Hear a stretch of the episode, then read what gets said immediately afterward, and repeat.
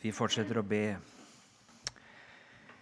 Ja, kjære Jesus, vi takker deg igjen at du har kjøpt oss fri. Fri fra trelldommen under synden, fri fra trelldommen under loven. Fri til å være Guds barn og vandre i dette, denne verden som dine barn, som lysets barn, som himmelborgere. Og vi ber, la oss ikke igjen legge oss under trelldom, verken av loven eller av synden men leve i dine barns herlige frihet. Vi ber om Din Hellige Ånd til fortsatt lys over ordet ditt, til ord og til hjerter til å ta imot det. Amen. Vi fortsetter Galaterbrevet 5 fra vers 13 i Jesu navn. For dere ble kalt til frihet, brødre. La bare ikke friheten bli et påskudd for kjødet, men tjen hverandre i kjærlighet. Nå har jo apostelen i hele sitt brev advart galaterne mot å bli treller under loven, at de igjen skal sette sitt lit til eget. De ble kalt til å leve i troens frihet. De skal være Guds barn av nåde for Jesus skyld. Men så kunne jo noen misbruke dette og tenke det at da er det jo ingen, spiller ingen rolle hvordan vi lever. Vi er fri fra loven som frelsesvei, men det betyr ikke at vi er fri til å synde. At vi er fri til å la kjødet få lov til å utfolde seg etter sitt vesen. Det å tro på Jesus det innebærer jo den mest knusende dom over mitt kjød, over alt mitt eget. Det er under forbannelse, under dom. Det har på ingen måte blitt akseptert. Det er jo tanken i dag. Nei. Det er under Guds dom. Det var derfor Jesus måtte komme. Det var nettopp for å kjøpe meg fri fra lovens forbannelse. Og Ved trua på Jesus så er jeg kjøpt fri ifra kjødet mitt. Jeg skal få regne det som korsfestet, gravlagt. Jeg er løst ifra det. Jeg har fått et helt nytt liv. Jesus selv lever i meg. Jeg lever ikke lenger selv, men Kristus lever i meg. Og det er i kraft av Han jeg lever for Gud. Jeg er død for loven for å leve for Gud, som stod det i Galaterbrevet 2.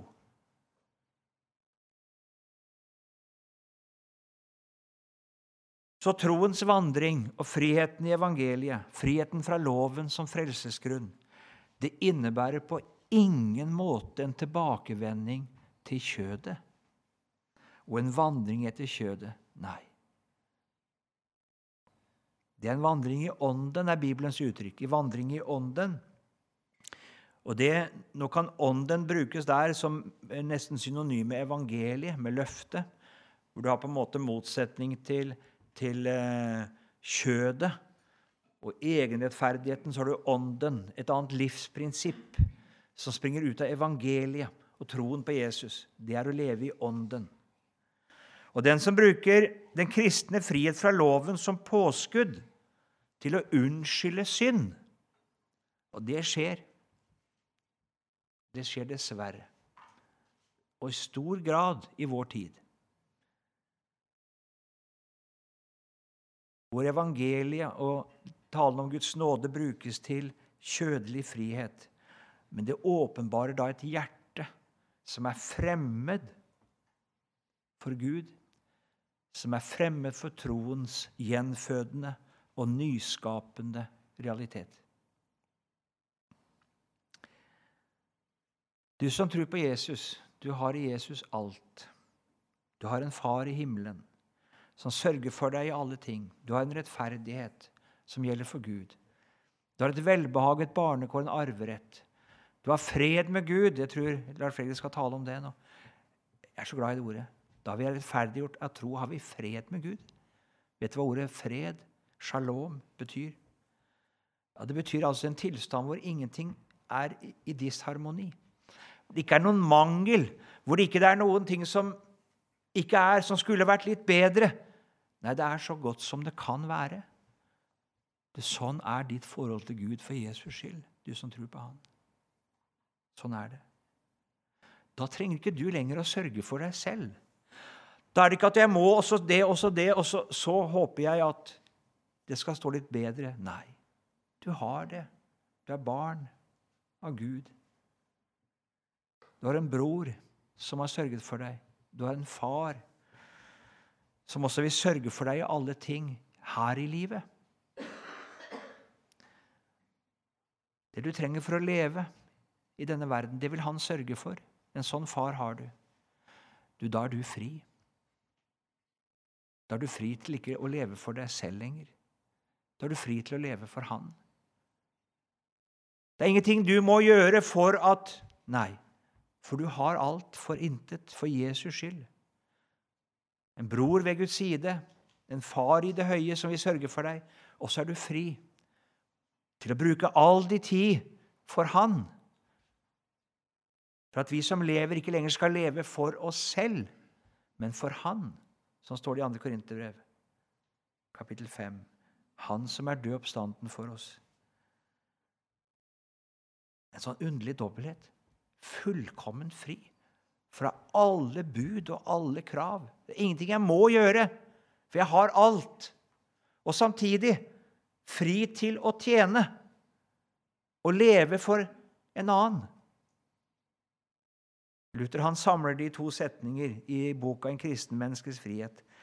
En kristen er den frieste herre over alle ting og ingen undergitt. Sånn er min tilstand og stilling for Guds skyld, for Jesus skyld. Og så kommer det neste, som er en følge av det første. En kristen er alle tings mest lydige tjener og hvert menneske undergitt. Det er ingen motsetning. Den dypeste sammenheng. For hele loven, fortsetter apostelen, er oppfylt i ett bud, i dette. Du skal elske din neste som deg selv. Den troende som er fullstendig fri fra alle lovens bud og krav, Vet du hva han gjør? Han har kommet til å tro på Jesus. Han setter umiddelbart i gang med å vandre i kjærlighet og oppfylle loven. Han har fått et nytt hjerte, et nytt sinn, som er slik. Det er født av Gud. Og Gud er kjærlighet. Og så er kjærligheten Den har fått rom i hans hjerte. Og så er han frigjort og fri til å leve og vandre i kjærlighet, virksom i kjærlighet. Det er ikke et verk av lovens trussel. Nei. Ikke av en pekefinger. Nei. Det er et verk av evangeliet. Gleden over å høre Jesus til, takknemligheten, men grunnleggende et nytt hjerte, et nytt sinn. Det er Jesus selv som har tatt bolig i den troende. Lovrettferdigheten den er ganske fremmed for kjærlighet. Der lovrettferdigheten regjerer. Der, det er, der er det partier, og der er det motsetninger, og der er det baktalelse, og der eter og biter man hverandre, for der er det krig. Det er det. Og det var det i Galatermenigheten òg. Det fulgte denne lovrettferdigheten. Men om dere biter og eter hverandre, da se til at dere ikke blir fortært av hverandre. Det er ganske sterke ord. Så der man snakker mye om at man virkelig er en sann kristen. Men så står det sånn til mellom de troende at det er som det er en krig. Og de kan liksom ikke få gjort hverandre og hogd hverandre nok. Og snakka stygt nok om hverandre og Nei, da er man langt borte fra Jesus om man i hele tatt er en kristen.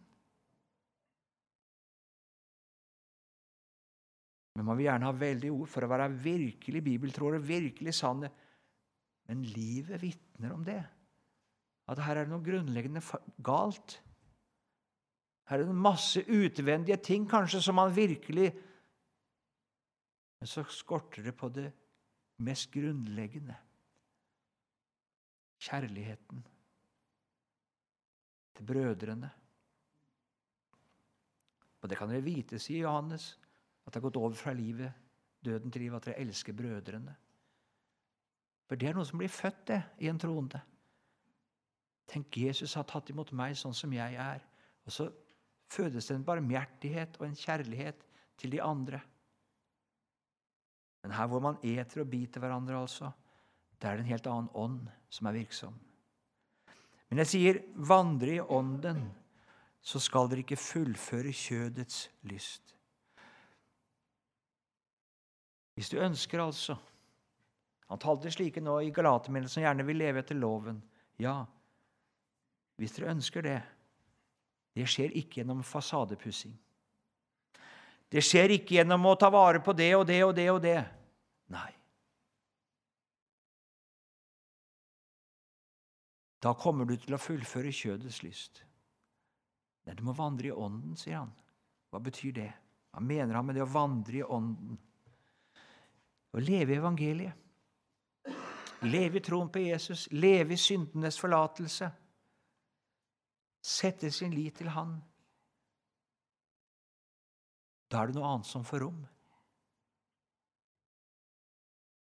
Da kan det vinne seier over kjødet og kjødets lyst. Jeg hørte en preken for mange år siden over Salme 119 og vers 9. Hvordan skal den unge holde sin sti ren? Ved å holde seg etter ditt ord. Og så fortsatte predikanten. Han tok bud etter bud, og så var det som en stor pekefinger. Nå vet dere det, dere unge. Nå kan dere gå hjem kan dere gjøre det. Ja, Det var omtrent som min sønn som hadde det fjerde bud i lekse. Så skulle jeg høre han. Nå tror jeg jeg kan det, sa han. Ja, så nå gjenstår det bare å gjøre det. Ja, Vi tror fordi vi har den rette mening. Ja, Men er det sånn? Er det det som salmisten mener? Er det det? Nei. Bare holde seg etter ditt ord, hva er det? Da tenkes det ikke på budene. Da tenkes det på hele Guds ord. Og fremfor alt så er det det å leve med Gud i hans frelse. Leve i syndenes forlatelse. Leve Jesus nær, for der er det du får et annet hjerte. Og uten det andre hjertet så kan du legge deg loven på minne så mye du vil. Jeg vet ikke hvor mange ganger dere har lovet dere sjøl nå skal jeg ikke gjøre det, men nå skal det bli slutt på det. Regn med deg selv, og du kommer til fall. Det blir sånn. Da er det sånn jo mer du ser. Syndens kraft er loven. Det blir bare mer av det. Nei. Men det er hvor gleden i Herren kommer inn, der du får glede deg over syndenes forlatelse, der du får glede deg og å tenke 'jeg skal få være hans', der kommer det inn et nytt sinn. Nytt hjerte. Og Da opplever han det at det er ingen tung plikt, Guds bud, men han har fått lyst til Guds lov etter sitt innvortes menneske. Kristi kjærlighet tvinger meg, sier apostelen. Det er ikke en tung pisk over han det, men det er et indre driv. Kan ikke la være. Jeg må fortelle, sier apostelen Peter. Kan ikke la være å fortelle om Jesus. Det er noe som driver. Det betyr ikke at det ikke blir kamp, for du har et kjød som aldri blir villig. Det har du ikke. Og Likevel så er det en ny vilje som råder. Den viljen er ikke skapt gjennom lovens tvang og trussel, men den er skapt av evangeliet. Gleden over å høre Jesus til.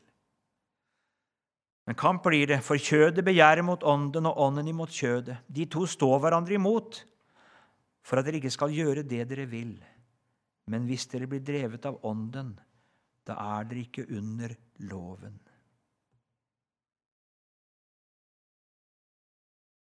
Ja, Vi skal bare gå videre. Kjødets gjerninger jeg må korte litt ned. Kjødets gjerninger er åpenbare. Det er slik som utukt, urenhet, skamløshet, avgudsdyrkelse, trolldom, fiendskap, trette, avundssyke, sinne, ærgjerrighet, splittelse, partier, misunnelse, mord, drukkenskap, svirelag og annet slikt. Kjødets gjerninger er åpenbare. Hva menes det med det? De er synlige. De er merkbare. Vi kommer til åndens frukt, troens gjerninger seinere. De er ikke så synlige. Men kjødets gjerninger de er veldig synlige. Og Først så kommer det synder på det seksuelle området. Utukt, urenhet, skamløshet. Om det er i tanker, om det er i ord eller gjerninger. Det er kjødet. For det utfolder seg i livet ditt. Er det noe som får herske i livet ditt, så må du ikke tro det. At Jesus er så dyrebar for deg. At evangeliet har fått inntatt ditt hjerte så sterkt. Nei, da har evangeliet liten makt hos deg.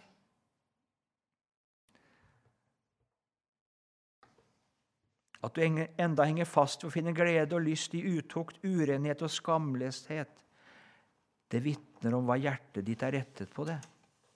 Og her er det noe som er så alvorlig. Livet vårt.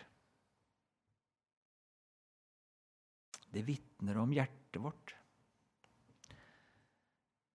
Det vitner om hva som utfolder seg, hva som råder i vårt hjerte og liv. Det er et ubarmhjertig vitne. Det sier alltid sannheten om oss, livet. Så du skal prøve din kristendom. Ikke prøv på dine ord og dine meninger, men prøv på det på din ferd. Så skal du prøve ditt liv. Jeg skal si mer om dette. Jeg bare sier det nå. Avgudsdyrkelse og trolldom, det er religiøse synder. At du ikke i ett og alt stoler på Guds ord og setter din vei Guds hånd, men at du stadig setter din lit til andre ting. Denne verden, mennesker, mammon eller hva det er. Å, det vitner om troen, det. Den er så skrøpelig.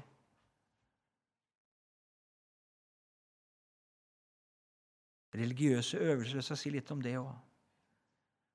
Han sier i Luther de høyeste former for fromhet og hellighet og de mest brennende andagsøvelser hos dem som dyrker Gud, uten bruk av Guds ord og bud, er avgudsdyrkelse.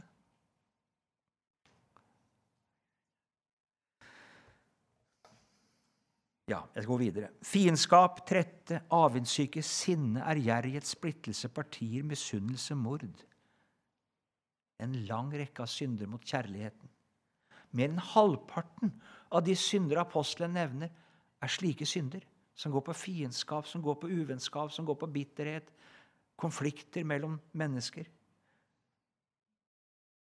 Det kan tyde på at det er her vi står mest i fare i den kristne forsamling. Å synde mot kjærligheten, mot broderkjærligheten.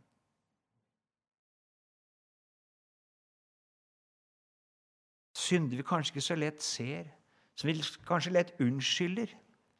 At det, liksom, at det er rett at vi er imot den. Rett at ikke vi vil ha noe med den å gjøre. Rett at vi baktaler den. Vi møter ofte personer som vi ikke er helt enige med. Både i verden og i den troende forsamling så gjør vi det. Vi ser ikke likt på alle ting. Ulik oppfatning har vi om både det ene og det andre. Sånn kan det være hjemme. I hjemmet vårt, på arbeidsplassen, i en kristne forsamling. Der kjærligheten råder, så snakker man sammen.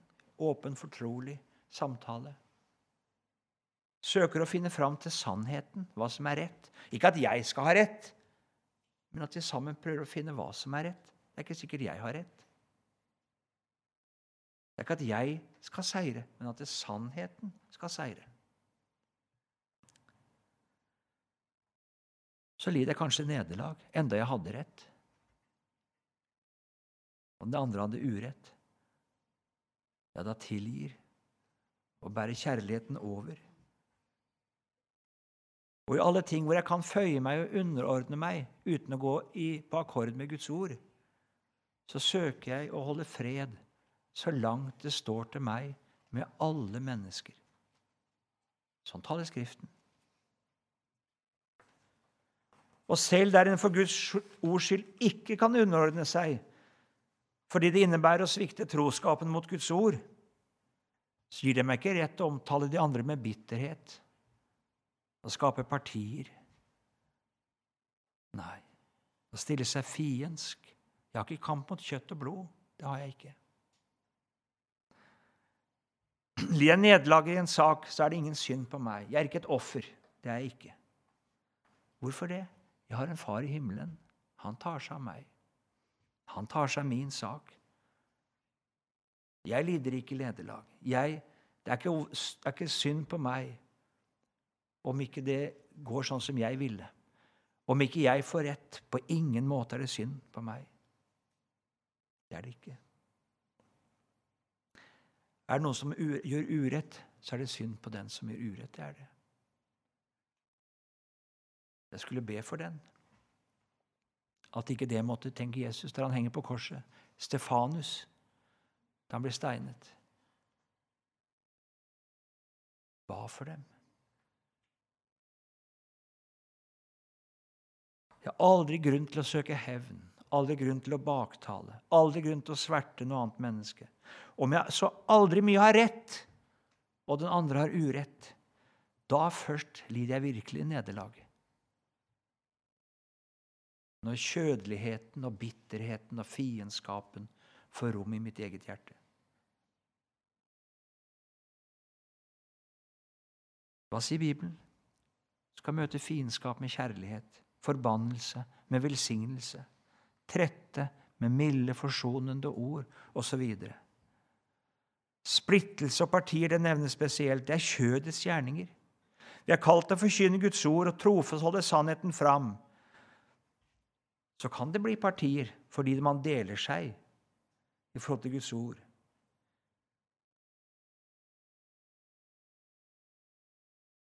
Det må være blant partier blant de sier apostlene for at det ekte må bli åpenbart. Det skjer, det. Jeg å si det. Men jeg å understreke det.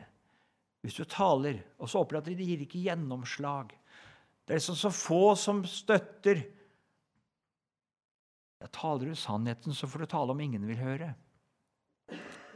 Sånn taler Bibelen. Og det hjelper ingenting på kjødelig vis å prøve også å gjøre noen endringer på det. Det gjør det ikke.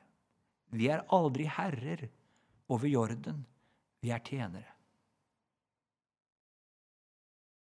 Vi hørte fra Anne Timotus i går. Jeg skriver apostelen ved mitt første forsvar møtte ingen med meg. Ingen. Nå burde vel Paulus skrevet et skikkelig brev og sagt at nå må dere skjerpe dere, nå må dere støtte meg. Nei.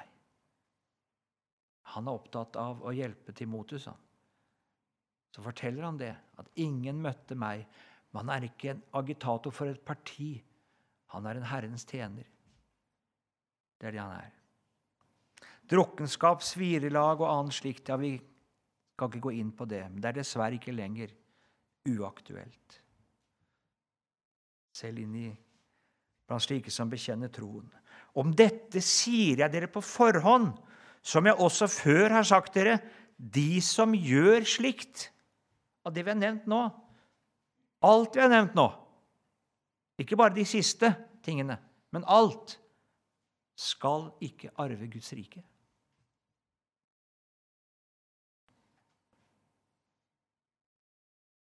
Evangeliet setter ikke strek over lovens dom over synden. Det gjør den ikke. Lever du etter kjødet, lever du i synd, da arver du ikke Guds rike. Her taler ikke en apostel om at en kristen ikke kan overlistes av kjødet og komme til å falle i noe av dette. Det kan en kristen. En Peter kan fornekte. En David kan falle i hor. En kristen kan falle i de grueligste synder. Han kan det. Men han kan aldri gjøre dette. Gjøre betyr altså leve i dette. Ha dette som sitt element.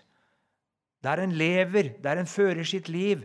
I Bibelen er ordet 'gjøre' eller ordet 'vandre' også. Vandre i mørket, vandre i lyset. Det er der du er. Det er der du går, det er der du har ditt element. Der kan ikke en kristen ha sitt element. Nei. Da kan han ikke arve Guds rike. Sånn var det en gang med dere, sier, sier apostelen i et annet brev. Men dere har latt dere tvette rene. Dere har, latt, dere er blitt helliget. Dere er kjøpt fri fra dette, satt over i, fra, fra mørket til lyset, fra Satans makt til Gud. Dere er ut av Egypt og har begynt på en vandring mot løfteslandet, da kan du ikke vende tilbake. Du kan ikke være som hunden som vender tilbake til sitt eget spy. Eller som svinet, det nyvaska svinet som velter seg i søla igjen. Nei. Nei. Den vei til pølen går jeg ei. Nei, jeg er kjøpt for dyre til å prøve syndens lykkespill.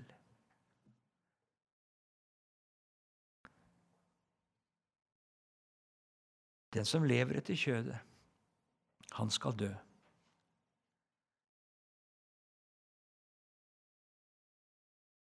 Den troende kan ikke det. Han kan falle. Kjødet kan få ta overhånd. Han kan lide nederlag i kampen. Kjødet begjærer mot ånden. Og så kan han lide nederlag. Men det er som Luther sier, og Rosenius gjentar det mange ganger, det er som å falle i ild eller i vann. Ild er ikke et element som du og jeg kan være i. Vann er ikke et element som du og jeg kan være i. Vi må opp av det. Vi må ut av ilden. Jeg kan falle i den, men jeg kan ikke være i den. Det er døden. Sånn er det for en kristen. Kan ikke det.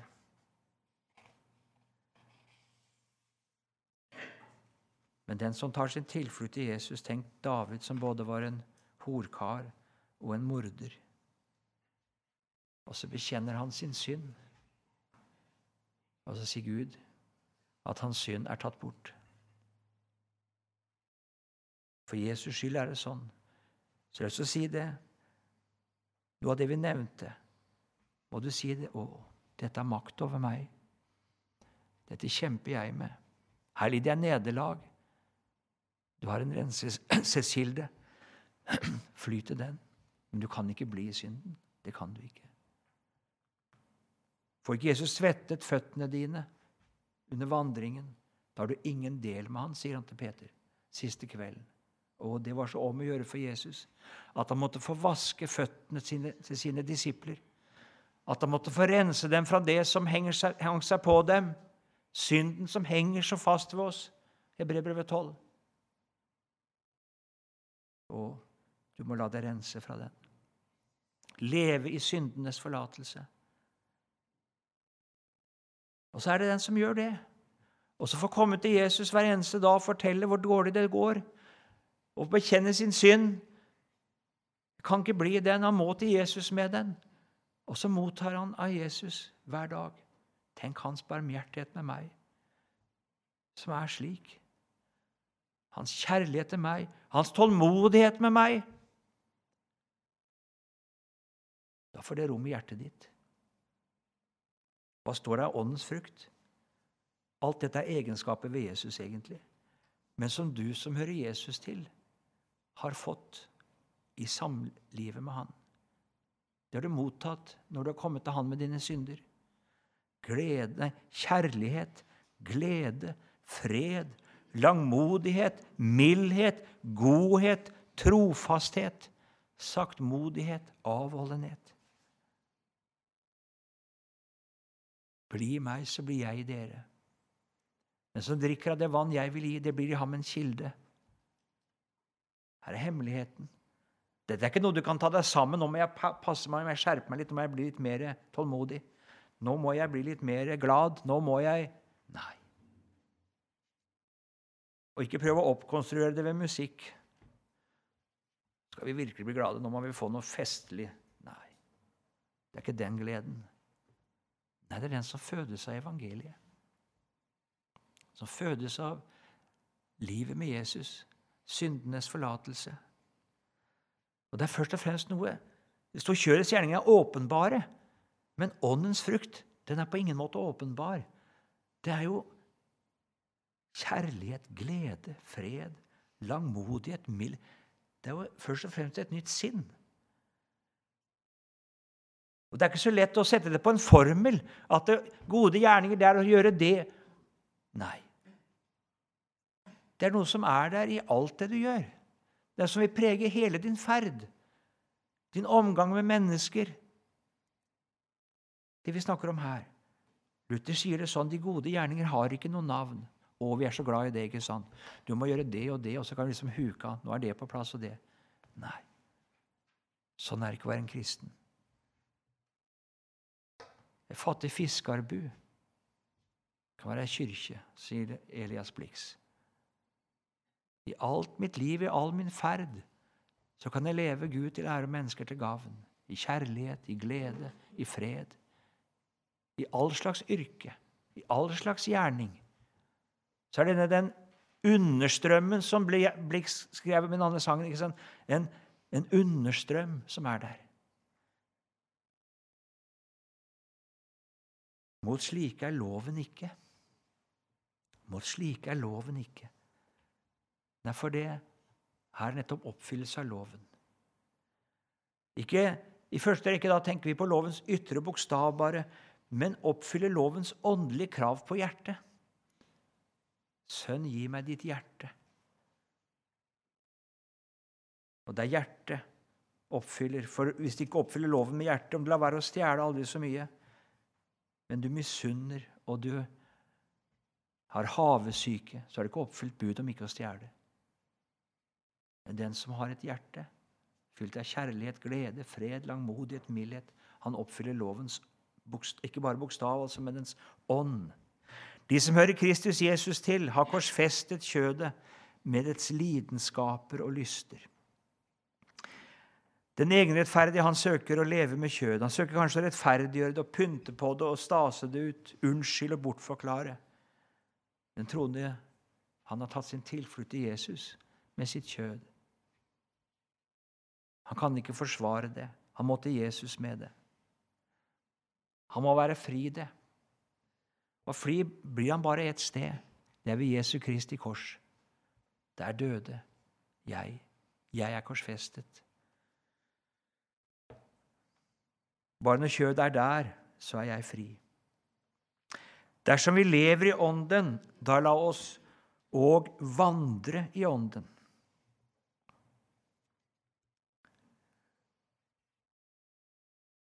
Merk det. Dersom vi lever i Ånden. Hva er å leve i Ånden? Det er å leve i troen på Jesus, kan vi si. Da la oss òg vandre.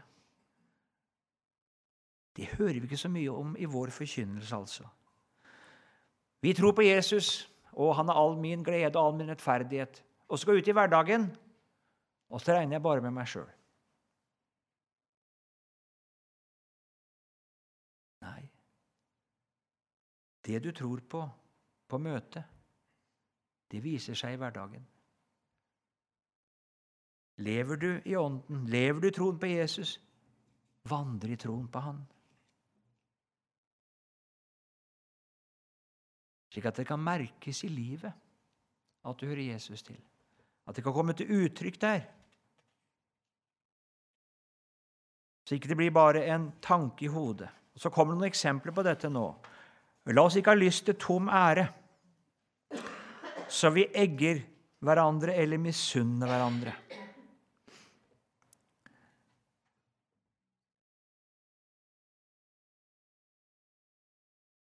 Hva var bakgrunnen bak dette med omskjærelse og tankegangen her? Jo, de skulle jo på en måte bli annerledes, ikke sant? De, skulle, ta, de kom til å skille seg ut nå på det ytre området fra de andre. Og tenke på en måte at de ble litt helligere, litt renere, litt bedre. Og veldig mye av den kjødelige loviskheten, den består i det at jeg skal bli litt bedre. Hvordan bli en suksessfull kristen? Har du sett sånne oppslag? Altså, jeg skal på en måte bli litt bedre. Disiplene kommer til Jesus og sier, 'Å, gi oss større tro', sier de. Så taler Jesus om tjeneste, han. Lukas 17 kan lese der fra vers 5 til 10. Det er så lett å blande åndelig vekst, vekst i helliggjørelse, med selvhevdelse. Og det er på ingen måte det samme. Og det vi snakker om nå, og det å leve og vandre i Ånden, det kan ikke forenes med trang etter å ville bli noe. Ville bli sett opp til, ha ros, ha ære. Hvis du ber altså 'Å, Gud, du må gjøre meg til en bedre kristen', for du ville så gjerne at de andre skulle se ikke sant, hvor god du var, da ber du for å øde det, sier Bibelen, i dine lyster. En sånn bønn vil ikke bli hørt. Da er det bedre her å ligge, i støv og tigge. Fred i Jesu blod. En som selvrettferdig, hellig, from og verdig eier trøst og mot. Nå ville Jesus at du skulle ligne han. Men ikke for at du skal ta deg ut, ikke fordi at andre skal se opp til deg og tenke at du er så from en fin kristen. Ikke for at du skal bli en så stor predikant som andre skal rose. Nei. Om det er åndelige gaver, innsikt, ytre fromhet eller annet. Hvis det egger til selvhevdelse og misunnelse og kjødelighet, så er det bare av det onde. Ikke ha lyst til det. Det er ikke drivkraften Det må ikke være drivkraften i ønsket om å være en god kristen. Brødre, om også et menneske skulle bli overrumplet av en, en eller annen synd, da hjelp ham til rette, dere åndelige, med saktmodighetsånd, men ta deg i vare, så ikke du også blir fristet. Det er så lett når vi ser én falle i synd, og så snakker vi med hverandre om det. Du, vet du hva han har gjort? Vet du? Nei. Nei. Søk å hjelpe den som har falt. Søk å vise han til syndenes forlatelse, til oppreisning i Jesu blod. Den som er en sann troende, han kjenner sin egen svakhet og tenker at det, det kunne gjerne vært meg som lå der. Det kunne jeg ha gjort. Sånn kunne det ha gått meg. Kjenner seg igjen i den som er falt, har ingen trang til å hovere og snakke stygt om den. Og så vil han så gjerne komme til hjelp, få lede denne til Jesus.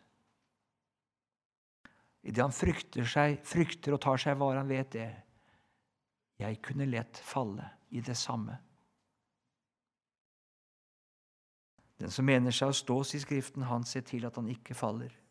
Bær hverandres byrder og oppfyll på den måten Kristi lov. I denne verden så er det sånn at det da gjelder å være noe og gjelde for noe. ikke sant? Og det er sånn at da kan jeg finne feil hos andre, så blir jeg litt høyere. Når jeg kan tråkke de andre ned, så kommer jeg litt høyere opp. I Guds rike er det helt annerledes. Det er den størst som er alles tjener. Den største av de alle. Han bar verdens synd. Han bar din synd og min synd. Han bar dine byrder. Han døde med det. Du er kalt til å gå veien i hans spor. Jeg har gitt dere et eksempel, sier Jesus, for at dere skal følge det. Peter skriver om det i 1. Peter 2, at vi har fått et eksempel. Vi skal vandre i hans fotspor. Hva skal du gjøre når noen gjør deg urett? Du skal bære det. Du skal bære det. Da ligner du Jesus. Når du ikke gir igjen, men du bærer det. Du tåler det. Du lider under det. Da møter verden noe som den er helt fremmed for. Den møter et sinnelag som bare, Jesus egentlig har, men som du har fått møte, og som du kan møte denne verden med. Slik at herligheten i Jesu Kristi ansikt kan stråle fram gjennom deg. Det er ikke makt, det er ikke, det er ikke autoritet, det er ikke Nei, det er lammet. Det er det lammet som blir synlig. Og det er lammet verden trenger. For dersom noen synes at han er noe, men ingenting er, da bedrar han seg selv. La enhver prøve sin egen gjerning. Han skal ha sin ros bare for det han selv er, ikke for det andre er. For hver skal bære sin egen bør. Hvis jeg er opptatt av min ære, og at det andre skal synes som meg, da vil jeg gjerne sammenligne meg, ikke sant? Og Da passer det å sammenligne seg på de områdene jeg kommer godt ut. Hvor jeg synes at jeg lykkes litt bedre enn de andre. Og så gjør en seg lett tanker om seg selv ut fra andres svikt. Sånn var det med fariseeren i tempelet. ikke sant? Jeg takker deg, Gud, at ikke jeg er som andre mennesker.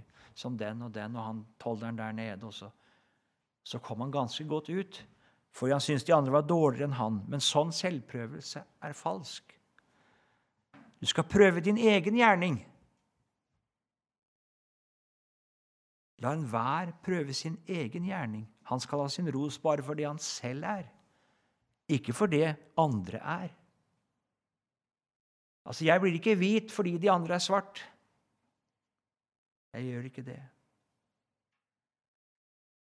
Overfor Gud så skal jeg svare for meg selv, uten sammenligning. Der står jeg alene.